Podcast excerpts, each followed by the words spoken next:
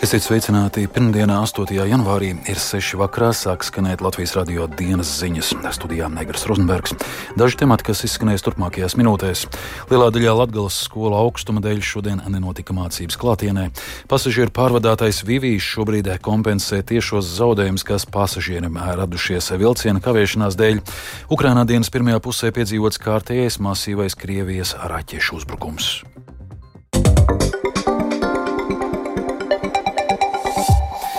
Šodien Latvijas skolās atsākušās mācības pēc ziemas brīvlaika, taču daudz, daudz vietā Latvijā termometra stabiņam noslīdot pat zem mīnus 30 grādiem, skolēni šodien palika mājās. Ministru kabineta noteikumi paredz, ka bērni līdz 12 gadu vecumam var neapmeklēt skolu, ja gaisa temperatūra ir zemāka par mīnus 20 grādiem. Savukārt bērni, kas vecāki par 13 gadiem, mājās var palikt, ja temperatūra noslīdējusi zem mīnus 25 grādiem. Līdz ar to izglītības iestādēs šī diena pagāja dažādi. Daļā Rīgā mācības notika klātienē ar tiem dažiem vai dažiem desmitiem audzēkņu, kuri bija ieradušies. Citas jau vakar apziņoja skolēnus un vecākus, ka šodien darbs klātienē nenotiks. Vairāk stāsta Madara Bērtiņa. Ko mēs šodien darījām? Reizeknas novada Maltas vidusskolas 3. A klases audzinātāja Vita Martinova stāsta par darbu šodien, kad no 15 skolēniem klasē ir 3. Viņiem ir grupu darbs, un lūk, viņi strādā uzdevumos LV darbiņu. Tā viņi te viens otram palīdz, sadarbojas, un mums viss notiek pareizi. Jā. Maltas vidusskola ir viena no retajām izglītības iestādēm Reizeknas novadā, kuru darbs šodien noritēja klātienē. Lai gan no vairāk nekā 500 audzēkņiem skolā bija vien 49, pastāstīja Maltas vidusskolas direktore Vinēra Dimpere. Pie skolas man rādīja 24. Vienā ielā ir 28, citā ielā ir 26, kaut kur pie ezera 31. Tā kā nu, dažādi. IKVD mājaslapā IKVD ir skaidrojusi, ka sals nav tas galvenais, kurš varētu tieši veidot šo mācības attālināti. Līdz ar to mēs pat par to nedomājām, ka varētu strādāt attālināti. Skolā šodien bija ieradušies tie, kuri dzīvo pavisam tuvu vai kurus ar mašīnu atveda vecāki. No rīta skatījos, mājās bija kaut kur pie 28, 29. Jā, no paša rīta, jā, bet eh, vēlāk kā palika siltāks, kaut kāda minus 22 varbūt. Kā jūs nokļuvāt skolā, jūs atradat vai kājām nācāt? Mani atveda. Man arī tas bija. Mašīnas varēja vecāki iedarbināt? Nu, mazliet bija tādas problēmas, bet nu, tikām galā. Septiņi mūsu klasē. Jā. Skolēniem uz mācību iestādi šodien bija jānokļūst saviem spēkiem. Gan Reizeknis novads, gan vēl vairākas pašvaldības jau vakar izziņoja, ka skolēnu autobusu maršruti tiek atcelti. Tas darīts tāpēc, ka pēc augstajām brīvdienām pašvaldībām uzreiz bija skaidrs, ka daudzus vecos dīzeļa autobusus nevarēs iedarbināt, un lai neizveidotos situācija, ka bērni agri no rīta pieturās vai ceļa malās salst, jo autobusam būtu jābrauc, bet to nevar iedarbināt, tika nolemts visus maršrutus šodien atcelt. Latvijas radio uzrunāto skolu vadība atzīst, ka Covid laiks iemācīs ātri pielāgoties situācijai un operatīvi apziņot gan pedagogus, gan vecākus un audzēkņus. Arī Viļānu vidusskolā, kur mācības līdz 7. klasē šodien nenotika, savukārt no 8. līdz 12. klasē skolēni mācījās attālināti, informācija par to, ka uz skolu nav jādodas, operatīvi tika nodota pa vairākiem saziņas kanāliem. Plānots, ka jau no rītdienas Latgales skolas atsāks darbu ierastajā režīmā. Madara Bērtiņa, Latvijas radio studija Latgalē. Kā vilciena pasažierus nogādāt galamērķī? Par to satiksmes ministrs Kaspars Briškens no progresīvajiem šodien uzklausa uzņēmuma pasažieru vilciens Latvijas dzelzceļa un autotransporta direkcijas priekšlikums. Jautājums kļuvis aktuāls pēc pagājušajā nedēļā piedzīvotajiem jauno vilcienu būtiskiem kavējumiem un arī daudziem atceltiem reisiem. Savukārt defekti jaunajiem elektrovilcieniem novērot jau septiņiem no kopumā 17 sastāviem, kas nonākuši uzņēmuma pasažieru vilciens paspārnē. Uzņēmumā norāda, ka vilcienu kavējumu dēļ pasažieri var izmantot arī taksometru pēcāk maksājuma čeku iesniedzot uzņēmumā pasažieru vilciens. Kā to izdarīt, plašāk stāsta uzņēmuma vadītājs Rodžers Jānis Grīgulis.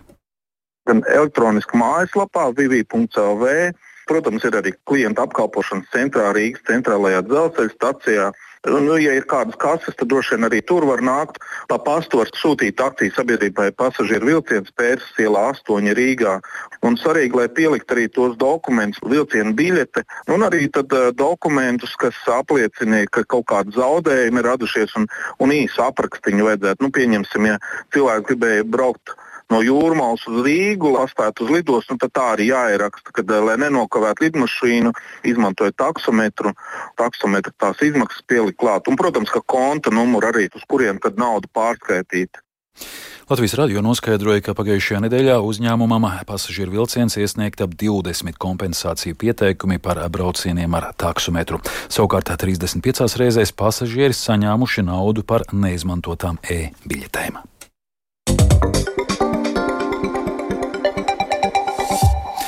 Ukrainā dienas pirmajā pusē piedzīvots kārtējais masīvais Krievijas raķešu uzbrukums. Vairāk nekā divas stundas valsts iedzīvotājiem nācās pavadīt patvērtnēs, kamēr Krievijas bumbvedēji raidīja raķetes pa Ukrainas pilsētām. Uzbrukumā bojā gājuši vismaz četri cilvēki, vairāki desmiti ievainoti. Nav ziņu par to, ka uzbrucējiem būtu izdevies iznīcināt enerģētikas infrastruktūru. Kā šodien atzina enerģētikas pētniecības centra vadītājs Aleksandrs Kharčenko, kopumā energoapgādes jomā situācija ir labāka nekā pagājušajā ziemā. Situācija skladna, ale kontrolēta. Situācija ir sarežģīta, bet kontrolējama. No vienas puses var droši teikt, ka tie sagatavošanās darbi, mājas darbi, kas paveikti gada siltajos mēnešos, tie dod rezultātus. Tās apšaudas, kas mērķētas tajā skaitā pa enerģētikas infrastruktūru, nedod rezultātus Maskavas teroristiem. Gan pretgaisa aizsardzība, gan fiziskās aizsardzības pasākumi, tie aizsardzības pasākumi, ko veikuši enerģētiķi, tagad arī dod tos rezultātus. Mums šobrīd nav elektrības atslēguma grafiku nav liela skaita avārijas atslēgumu.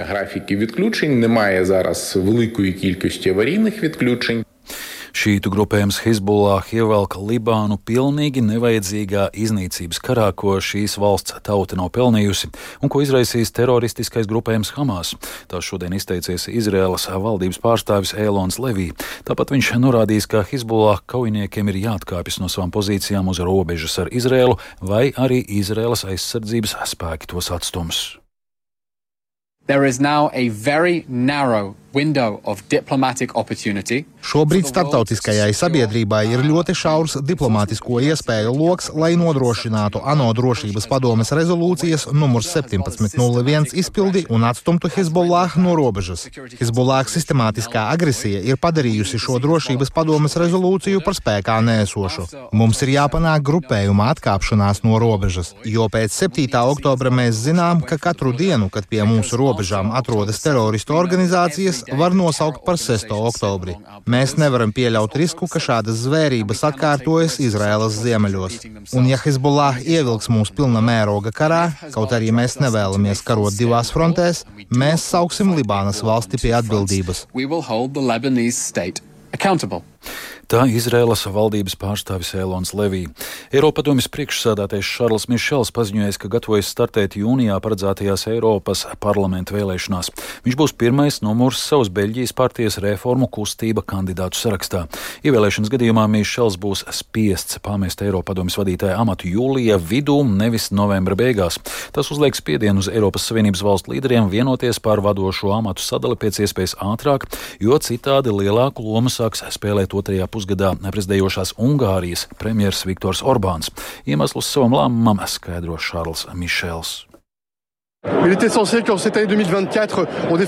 Ir būtiski, lai 2024. gadā mēs aizstāvētu stabilu un stipru Eiropu, kas aizsargā savus pilsoņus.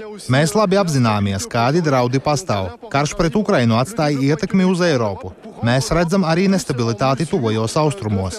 Mēs redzam arī, cik svarīgi ir strādāt Eiropas ekonomiskās attīstības veicināšanai, lai nodrošinātu, ka klimata un digitālā pārēja notiek veiksmīgi, kā arī aizstāvētu Eiropas ģeostrateģiskās intereses. Jūnijā, īsi pēc vēlēšanām, valstu vadītāji jebkurā gadījumā ir ieplānojuši izvēlēties manu pēcteci pašreizējā amatā. Tādēļ jautājums ir tikai par to, lai mans pēctecis uzsāktu darbu nedaudz ātrāk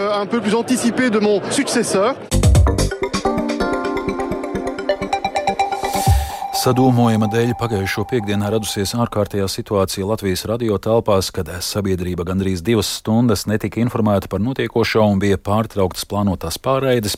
Nav pietiekams pamats izmaiņām radio vadībā, taču uzņēmumam ir jāuzlabo iekšējie normatīvi un spēja adekvāti rīkoties iekšēji apdraudējuma situācijās. Tā secināms pēc Latvijas radio kapitāla daļu turētājas sabiedrisko elektronisko plašsaziņas līdzekļu padomes šodienas paziņojuma pēc tikšanās ar radio vadību. Jautājumu par sabiedrisko mediju darbības nepārtrauktību skatīs Nacionālās drošības padomjas sēdē un atbildīgajā saimnes komisijā. Valsts prezidents Edgars Rinkevičs šodien pauda, ka informācijas pieejamība ir ļoti nozīmīga sabiedrības drošībai šodienas apstākļos, un tas nav uzdevums un pienākums, kas ir atliekams uz vēlāku laiku. Turpinājumās sabiedrisko mediju padomjas priekšsādātāja Jāņa Sikšņa vērtējums. Arī Latvijas radio vadība atzīst, ka bija iespējas izmantot alternatīvus apraides variantus arī ātrāk. Šobrīd bija tā, ka pirmais paziņojums radio ēterā bija apmēram stundu 45 pēc evakuācijas. Nu, kā radio vadība atzīst, tas varēja būt nu, vismaz kādu pusstundu ātrāk droši vien. Līdz ar to nu, Latvijas radio ir jāuzlabo, ir jāprecizē attiecīgais iekšējais regulējums. Man ir grūti spriest, kas būtu noticis teiksim, manā vadības laikā šādā līdzīgā situācijā, jo šīs ir pirmais tāds gadījums. Tas, kas notika, jā, vēlāk tam vajadzēja vienkārši būt ātrāk, tādam regulāram paziņojumam par to, kāpēc ir izmaiņas programmā. Vai tādā gadījumā nevajadzētu nopietnāk izvērtēt valdes darbu? Nu, mēs izvērtēsim to, jā. Es šobrīd negribētu par to vairāk teikt. Jaunajā Rīgas teātrī šogad notiks jau par tradīciju kļuvušā pasākuma NN nakts svinīgā ceremonija. Tajā taps zināms, kurš no pieciem pretendentiem saņems teātra un filmu kritiķa Normunda Naumaņa vārdā nosaukto gada balvu dažādu mākslas žanru kritikā par pagājušo gadu tapušajām recenzijām. Vairāk stāsta Ieva Puķe. Žūrija gada balvai kritikā šogad izcēlusi Kristīnas Briedes, Gundegas Evelonas, Janas Kukainas, Ivara Steinberga un Gunas Zeltiņas veikumu. Pieredzējusī teātra kritiķa Zeltiņa nominēta par publikācijām žurnālā Teātra vēstnesis un portālā Kroders, bet kino dokumentāliste Kristīne Briede izdevumā Kino raksti. Gundagas Evelonas vizuālās mākslas recenzijas pamanīts portālā LSM, Jānas Kukainas portālā Art Territorija. Savukārt Ivars Steinbergs nominēts par literatūras kritikām interneta žurnālos Satori un Punktum.